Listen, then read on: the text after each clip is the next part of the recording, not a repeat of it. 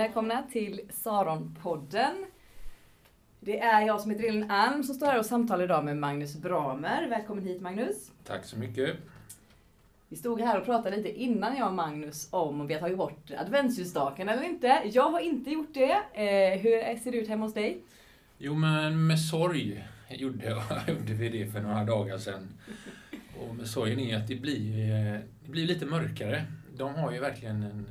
Det är ju en ljuskälla som gör både mysigt och trevligt och lyser upp i mörkret. Och även granen har, har rykt nu. Den ger ju också sitt ljus med ljusen i granen där. Så att, eh, ja.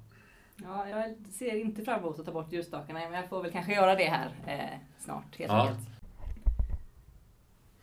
Jag läste någonstans här nu om i kyrkåret där vi befinner oss i och med efter trettondagen som var då den 6 januari.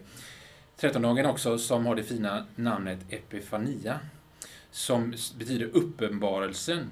Efter det så tittar man ju under ett antal söndagar just på den här uppenbarelsen om hur Gud blir människa i Jesus Kristus. Egentligen så är det ju en ganska ljus tid då. Vi tar bort ljusen i våra hem.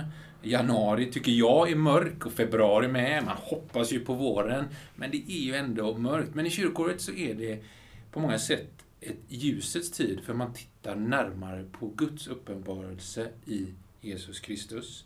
Vi hade Jesu dop och nu har vi då livets källa. Och vad fortsätter vi med sen då?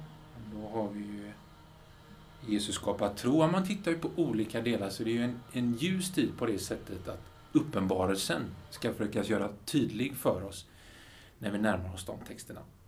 Vilken härlig ingång i ett nytt år att eh, fokusera på det. Ja, Eh, Jag inser ju nu att eh, vill man läsa de här texterna några veckor framöver, det är fram till 5 februari tror jag, så får man följa de bibeltexterna i våran app till exempel, bibelläsningsplan, för vi kommer från och med nästa söndag ha tre söndagar på lite andra teman. Eh, Kan vara bra att veta. Nästa söndag så pratar vi om bön, sen är det gemenskap och sen är det bibel just det. Och de man missar då, de rubrikerna med då var ju, som jag sa här, Livets källa nu på söndag och sen var det Jesus skapar tro och sen Jesus är vårt hopp och sen kommer då uppenbarelsens ljus på kyndelsmässodagen. Det kan man ju läsa ändå via appen där. Ja. Precis, och man kan ta del av kyndelsmässodagens predikan den 26 januari här i Saron på kvällen, faktiskt klockan sju, då vi spelar in en radiogudstjänst. Eh, så välkommen på det. Livets källor, där ska du predika om nu på söndag. Hur går tankarna, förberedelserna just nu? Jo, men man, man börjar ju någonstans alltid att se rubriken eller temat på kyrkoåret, så är det livets källa och så har man med det i första tanken och sen börjar man läsa evangelietexten och ibland så går det klockrent ihop och man fattar, ja just det, så hänger det upp temat med, med, med texten. Och ibland så förstår man inte alls riktigt hur det var tänkt. Och hur är det inför söndag? Ja, precis. Fattar då, du eller inte? Nej, men då är det det andra alternativet där, eller just att man inte riktigt för, förstod första gången jag läste de verserna, även om man har läst dem innan så, just med temat eh, livets källa. Men så har jag nog så sakteliga börjat, som man ofta får göra för att närma sig en bibeltext, sätta in den i sitt sammanhang. Ett antal, ibland kan det vara ett antal verser bakåt och framåt, ibland kan det vara lite längre perspektiv och ibland kan det vara en hel bok man behöver liksom för att sätta sig in. Mm. Så det har jag nog sakteliga börjat göra och det blir ju en del av predikan på söndag då att eh, hänvisa, försöka se lite en större perspektivet av Johannes evangeliet kapitel 5 då och texten är ju 5, 31-36 men det börjar lite tidigare om man ska få ihop det, tänker jag. Är det så att vi andra som inte förbereder just en predikan kan förbereda oss alltså genom att läsa några verser innan? Ja, men jag tänker det. Om man, om man vill då, för att ha förberett sig lite kring evangelietexten tills på söndag, så kan det vara bra att börja Johannes evangeliet kapitel 5, vers 1. Och läsa. Eh, börja där då och ända fram till där texten kommer sen då. Man kan läsa egentligen, om man orkar hela egentligen Johannes, hela kapitlet. Men om, i alla fall från början till de vers 31, det är framförallt det för att förstå de verserna, tänker jag. Ja, bra tips. Har du lust att bjuda in oss lite i eh, tankarna? Är det någonting särskilt du har fastnat i själv i, i förberedelsen? som du tar fasta på eller som hakar tag lite extra? Ja, men än så länge är det nog inte det.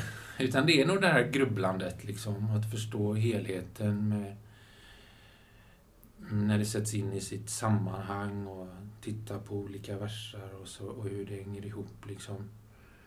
Um, så jag har nog inte det just nu, så det är lite så famlande liksom, tror jag. Till vad blir poängen eller poängerna som ska försöka ges till församlingen när vi möts på söndag. Texten i sig är ju alltid berikande och sådär, men om man kan lyfta fram just någonting. Som, där har jag nog inte riktigt eh, landat än. Spännande att se då vart du landar. Ja. Vi kan ju passa på att säga någonting om varför vi väljer att gå ifrån kyrkoåret några veckor och eh, fokusera på tre andra ämnen. Och för er som var med på församlingsdagen på Nimbus i augusti-september när det nu var, mm. så hade vi just eh, bön och gemenskap och bibel som, som tre ämnen. Ja. Som stannade till vid. Och varför har vi valt just de här Magnus? Ja, men jag, jag tänker att det är så att man, vi som pastorer, och vi, det, det händer ju alltid massa saker i en församling. Och man kan inte alltid liksom belysa allt mest, men det har varit ett samtal under en tid här tycker jag, om jag minns rätt. Det sa men vi behöver liksom, det är inte så att vi inte ber nu och att vi inte läser Bibeln eller att vi inte har någon gemenskap, men att vi skulle liksom öka på tempot och eh, kraften i det här. Liksom, att få uppmuntra kring bönen och bibelläsningen och påminnas om gemenskapen igen. Och det började vi, det, menar, det pratade vi om då förra våren och så inför församlingsdagen. Men, och sen så få göra det igen, att lyfta fram det. För att det är viktiga aspekter. Jag menar det här som vi står och pratar nu, appen är ju en del av det, att uppmuntra kring bibelläsningen. Så vi försöker jobba på de här olika spåren och fler grejer är på gång här då, både kring gudstjänsten men lite annat också för att belysa just de här tre aspekterna. Precis, och det kanske kan bli en liten sån eh, förberedelse för, för den som vill. Eh, att fundera lite kring hur man själv tänker och har för förhållande till Bibeln, bönen och gemenskapen. Så blir det en förberedelse inför de veckorna vi, vi går in i. Jag kopplar tillbaks lite till söndagens tema Livets källa. Om vi stannar lite bara vid det uttrycket eller begreppet. Och eh, vart, vart sticker liksom dina tankar iväg? Och vart, alltså vad livets källa, vad, mm. vad handlar det om?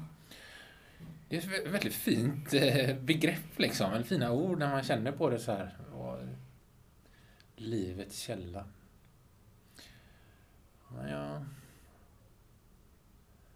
Men jag kan ändå nog känna nu när jag efter jul och nyår har varit ledig lite grann. Och man stillar sig, och man, eller du vet, det blir så här lite lugna dagar och eh, det kan nästan bli lite för lugnt liksom. Så att tankar kommer ikapp och man sådär. Eh, nu kommer det låta väldigt pastoralt, men jag är ju ändå pastor. Men framförallt är jag ju kristen. Och, eh, och då blir det lite marknadsföring också, men det, det får det bli. Det faktiskt blev det så att jag tittade i Saron-appen och läste bibeltexterna där. Gick igenom det flera dagar sådär. Liksom, att då, då kom jag på sådär. Men jag har ju det så tillgängligt. Och läste de texterna och jag tycker mig att det gör bara sådär i stunden, även om det är några minuters läsning av något annat. Alltså det, man har ju röster in i sitt liv, man tittar på TV, vad man nu, framför internet, alltså vad man nu gör de här dagarna man är ledig. Alltså det kommer massa med röster hela tiden som som väcker massa olika känslor och tankar.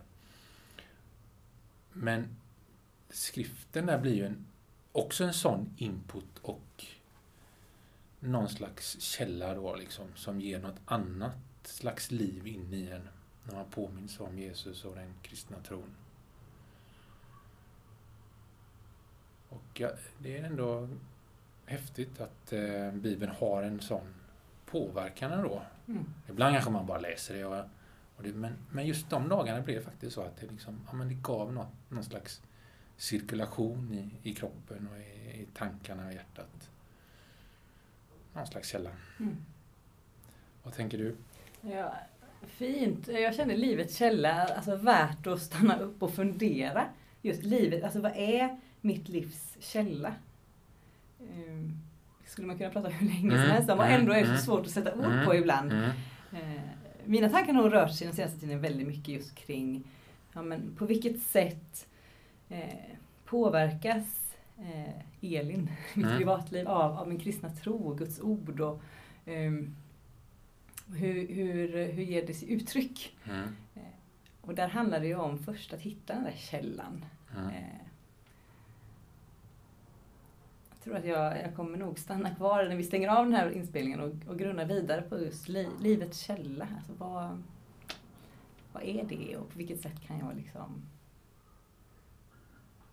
ja, grunda mig i det eller hitta liksom vägar dit. Och, som, som funkar i vardagen så det inte blir så här Mm. högt, svårt.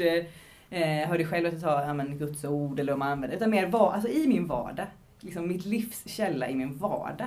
På vilket sätt eh, får jag till det och hur märks det? Och det finns ju hela tiden såklart. Men att uppmärksamma mig själv på det kanske Mm. än mer. Mm. Och det är väl en bra tanke att skicka med alltså för, inför söndagen och där, där vi står nu för alla som lyssnar. Men vad är, vad är ditt livs källa? Och eh, på vilket sätt tar du del av den källan då? Mm. Det är alltid värt att fundera kring. Verkligen. Tack så mycket för det här samtalet Magnus. Tack. Eh, vi ses på söndag Yes. i gudstjänsten. Eh, ha det gott tills dess. Och följ gärna Sara kyrkan på Facebook, Instagram och via vår hemsida.